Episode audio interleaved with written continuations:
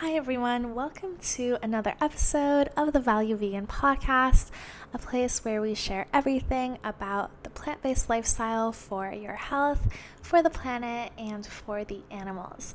And on our podcast, we like to give awesome tips for new vegans and those considering a vegan lifestyle and interview awesome guests as well to teach on their stories and share their methods. So, today is actually going to be a solo episode of me kind of chatting with you guys about something I've been super passionate about recently, which is the zero waste movement and our ability to reduce our impact on the environment. So, I'm going to be chatting about my journey of how I kind of woke up to this realization of waste and why it's bad, how the zero waste movement aligns with so many of the values of the vegan movement as well as 11 shifts and steps to take towards having a more low impact lifestyle. So, I'm super excited to get into this topic with you guys. So, let's dive right in. So, in order to start this all off, I want to chat a little bit about my story in terms of a zero waste lifestyle and just reducing my waste production. So, I grew up always being super passionate about the planet and about the environment. And it wasn't until I was actually 16 when I went to this big sustainability conference where I started to really dive into the issues on a deeper level. I was already always super passionate about the planet and about water and waste. And I remember in grade six, I did this huge presentation on plastic water bottles, but I had never really t- taken taken much action on it at that point because obviously I was still young and I was just like really passionate about the issues. So I didn't know what to do. So after going to this sustainability conference, I started learning more about things like composting and waste reduction and just different methods to tackle this idea of climate change, which back in 2012, when I was 16, was still this um, rather unpopular kind of idea. It was still pretty fringe. It wasn't really as mainstream, and the impacts of climate change were definitely not as clearly felt to the same extent. So, back at this conference, I remember learning about composting. And so I went back to my high school and I was like, wait, guys, like, we don't, we barely even recycle. Like, why don't we put together some kind of a composting program? So we looked into how to do that at our school and we even had things, we built this really cool project where we took these plastic water bottles and we nailed them onto a big wooden board, like the size of a door and it was like a plastic garden. And I remember that was like the coolest thing we did. But even with all of these initiatives and having this environmental nonprofit, I remember that I still looked at waste as something that, you know, just would naturally continue to exist. And although I was composting, I wasn't really actively thinking about my waste and I w- hadn't really investigated like where does waste actually go? Like what actually happens to it? What actually happens to our recycling?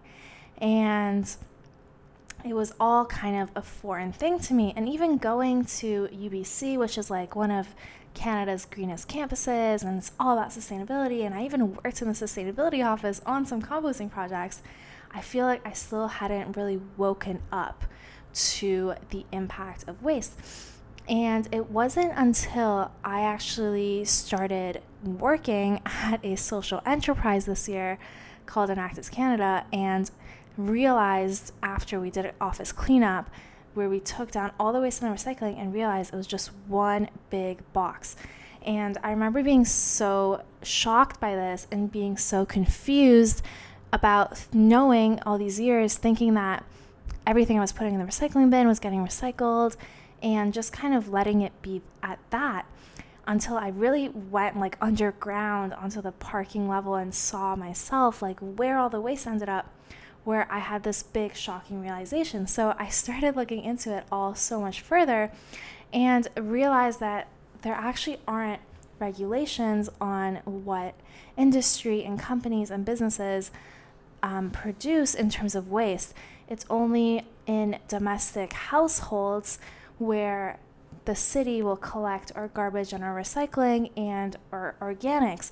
But when we look at businesses, that actually the infrastructure for that isn't really built out, neither in Canada or the US. And I remember just being so angry and so shocked about that and thinking, okay, like we need to do something about this. And when I had this kind of awakening, the very first thing I did was start to look at what I actually produce and look into my own garbage bins and really start reconsidering like the waste I'm producing. So, in order to understand this, let's first of all talk about why is waste actually a bad thing? A lot of us, you know, we might think that okay, our garbage goes into a landfill or it goes somewhere and it gets incinerated, right? It gets burned up and we might not really think about like is that a negative impact on the environment? What actually happens? So i actually did some research and i looked into where does toronto's garbage go? So toronto is the city i live in. And what actually happened was um, back in 2012 we bought this large site um, two hours out of the city called the green valley uh, landfill. And it's like 127 acres of landfill. So it's this huge landmass. And essentially, what happens is all of our garbage, first of all, needs to get driven out from the city by truck drivers, um, which in itself, that process is emitting a lot of pollution into the atmosphere. Those two hour drives back and forth every single day, probably multiple times a day, just to handle all the influx of garbage produced by the city. And then in terms of what happens at the landfill, so the waste is blocked into large cubes and distributed into the earth, like into the earth. And apparently, right, there's these environmental restrictions on what can happen to the waste where underneath the ground there has to be certain materials deposited so that the waste like water can't seep into the earth. And you know they they try to do things in terms of the smell etc of the landfill. But if you think about 127 acres of waste just sitting there and when we think about where are these landfills situated this specific landfill is actually really close to a indigenous community and the chief of that indigenous community has actually reported that, you know, the smell of the landfill and the impact of that on his community has been so negative. And so that's like one understanding of what actually happens with all the waste we produce and really being really having that awakening is really what it feels like when you start to realize what actually happens to that waste. So that's a big part of why it's bad. And the landfill itself, guys, actually releases methane into the atmosphere um, as organics that end up in the garbage because of a lack of composting programs and a lack of the ability to compost. Um, actually creates methane that's put into the atmosphere and the actual garbage that creates this wastewater from all the garbage kind of rotting um, gets into the earth as well. So it has all of these negative impacts. And it's just crazy when we think about that. So let's talk a little bit now about why the zero waste movement is in line with the goals of veganism and why a lot of vegans themselves are transitioning to a zero waste lifestyle. So, when we think about why we're all so passionate about the vegan movement, for a lot of us, it's because of our health, about having more energy, having healthier bodies, fueling our bodies with nu- nutrients that allow us to grow and thrive and live these longer, happier lives free from disease. For a lot of us, it's about the planet and really realizing that the second largest cause of climate change is actually um, animal agriculture and all of the impacts associated with that. And for a lot of us, it's about the animals and realizing that animals have the right to choose their own lives, and you know, we no animal really wants to or deserves to die. And so, when we think about the zero waste movement, which is really all about helping our earth return to its natural state and really cleaning up all of the negative impacts that we've done to the earth, if we think about how there's tri- uh, like I think it was seven trillion pounds or 7 trillion plastic items in our oceans. When you think about all of the landfills out there, all of the countries where there's even less waste. Um, you know, advancements in waste disposal technologies, and a lot of waste is just burned, and all those fumes are entering the atmosphere and harming people's health and all the pollution when we think about all of that and we think about how so much of veganism is about reducing our impact on the planet and living a compassionate lifestyle and having compassion for the environment and for the animals and for everyone that we share this earth with, it's really clear that these two movements are very much in line. And, you know, one of the most recent podcasts I've listened to was about Can You Be a Non Vegan Environmentalist um, by Earthling Ed. And it really was that you cannot, right? And so, so much of our movement is about environmentalism. And that's why I'm so passionate about sharing more of this message with people that really need to hear it and the vegans that already so deeply believe in so many of these ideals. So, now let's chat a little bit about tangible things you could do, right? So, 10 steps to a lower impact lifestyle. There's actually 11 here. So, I want to just go through these. And it's steps really in terms of just some tips and just some general easier swaps that you can make in your life that I personally found have helped me a lot. So, the very first thing that I did and that I really recommend you do is to look inside your garbage bins and specifically look inside your garbage bin in your bathroom and in your kitchen. One of the biggest thing, things I realized when I was learning about zero waste is that so so many of us don't think about our our washrooms and think about recycling. We think about okay, recycling in the kitchen, you know, plastic bottles. But then when we look at our washroom, we just have one bin, and that's just kind of how it always is. And no one really thinks to put a recycling bin into the washroom. But that simple change in itself could divert so much more plastic from our landfills. Could really make such an impact. And our bathroom waste, guys, is is like crazily unrecycled. So let's think about that. So when I took a look into my bins, what were some of the most common things that I found? So that's kind of what I want to chat with you about. So when I looked inside the washroom, it was a lot of like makeup disposal wipes. Those are some of the most common things that people throw out. It was um, plastic bottles of different things, whether it was moisturizer or, you know, different kind of items, and also just plastic wraps, as well as plastic razors, which are super bad for the planet and because they're single use as well. And when I looked into the kitchen, it was a lot of plastic produce bags, a lot of just plastic packaging that different snacks and stuff come in. And honestly, some organic waste because our building doesn't have compost, and I'm still trying to get around that. So, with that being said, let's kind of dive into some of the swaps that you can make. So, one of the first things that is easy to do is to carry around um, cutlery like plastic knives, forks, um, spoons, as well as straws, as well as a plastic water bottle. Because a lot of the time when we're out and about, this stuff just isn't in our bag, and so we end up using these single use plastic cutleries. And here's a crazy fact I learned when a piece of plastic is smaller than a certain size, a lot of recycling depots can actually identify them and they end up kind of falling through the cracks as the recycling is sorted out and they don't end up getting recycled even if they're thrown into the bin. So because of their size, they're oh, they're just not very recyclable, very similar to straws. So that's why this simple swap is so easy.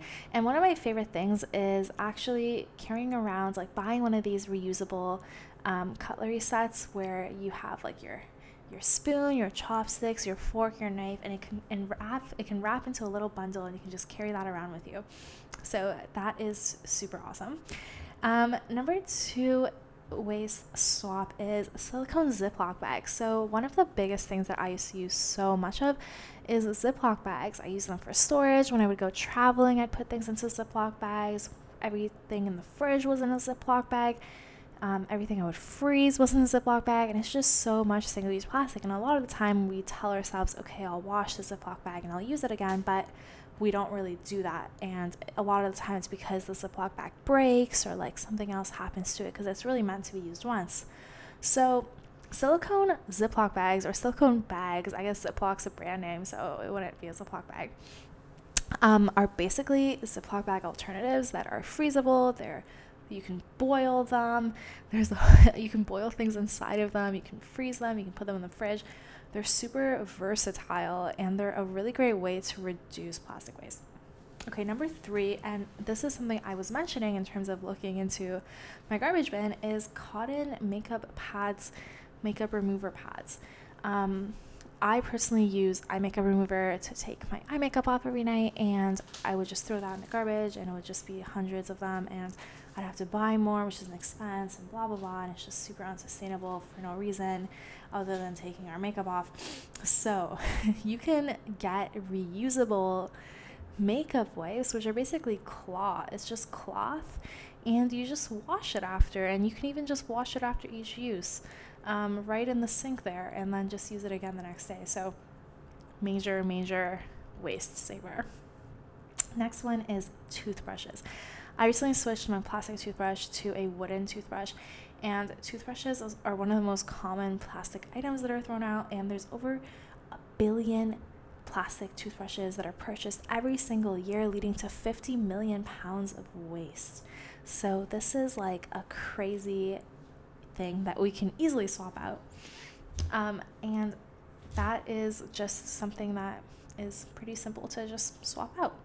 Um, another thing, okay, so this might seem pretty crazy to a lot of the Western listeners, but basically for like millennia, Middle Eastern people have been using water when they go to the washroom and it's just more sanitary. It's like you cleanse yourself with water and you can carry around a water bottle and just like clean yourself off when you go to the washroom. And this means that instead of using so many toilet papers, um, you can just use like one to basically dry yourself off.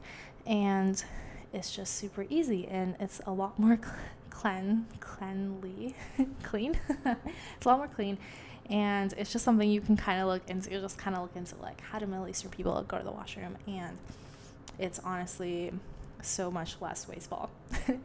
okay, next one produce bags and grocery shopping. So, a lot of time, you know, you go to the grocery store and you want to buy apples, you want to buy some fresh broccoli, and you have to use these really flimsy um, single use plastic bags. And instead of using that, what you can use is cloth bags and you can you can buy them you can use your own cloth bags. I've bought some where the the clerk can easily see like what type of apple is in there and etc so they can easily process it. But you can really use any bag you're allowed to use any bag. Um, and that saves so much of this really bad single-use plastic from ending up in our oceans and ending up in the garbage. Okay the next one razors. So I personally used to use like one time razors, um, super unaffordable, super uh, plastic heavy, and just not really effective anyway. And so I recently switched to a stainless steel razor, and basically it opens up so that you can add a new blade in there, and you only have to replace your blades like once every month or a couple months. So it's super, um, it's a lot better for the planet Okay, next one cloth towels instead of paper towels. Paper towels really kind of annoy me because people use so many paper towels and they're for things that aren't really necessary, like drying our hands or cleaning up a spill. And it's so easy to just swap the paper towel for a cloth towel and then just clean the cloth after. Um, it's honestly so it'll save so much waste because one of the most common things in the garbage bin is like tissue paper and toilet paper. So let's just get rid of all that altogether. And finally, um, two last things loose leaf tea and just cut out coffee from your life. Coffee is just honestly not even very good for you. And the process of making the coffee and all those coffee pods and it's just so wasteful or even just going out and getting coffee when you when you buy coffee like even in a paper cup that paper cup is lined with plastic so it's actually not recyclable and so that's why you can you should cut coffee and drink loose leaf tea um, and then finally bring your own containers and buy in bulk when you buy in bulk you save a lot of plastic packaging costs, and you actually end up saving money too in the long run. So, honestly, it's super simple. So, that being said, this wraps up this episode of the Value Vegan podcast. I hope you gained a whole bunch of value from this and really started to reconsider how you're using waste. If you like this episode, make sure to subscribe for new episodes every week and to give us a five star review and to let us know what other topics you'd like to see me chat about and what else who who else you'd like to hear on this podcast and what other topics that you would like to see us sharing. So, thank you so much for listening and I'm so excited to see you soon and if you've not yet joined us, make sure to join our Facebook group for new and aspiring vegans where we just share fun resources and tips and just have a great community. So, thank you so much and have a wonderful day.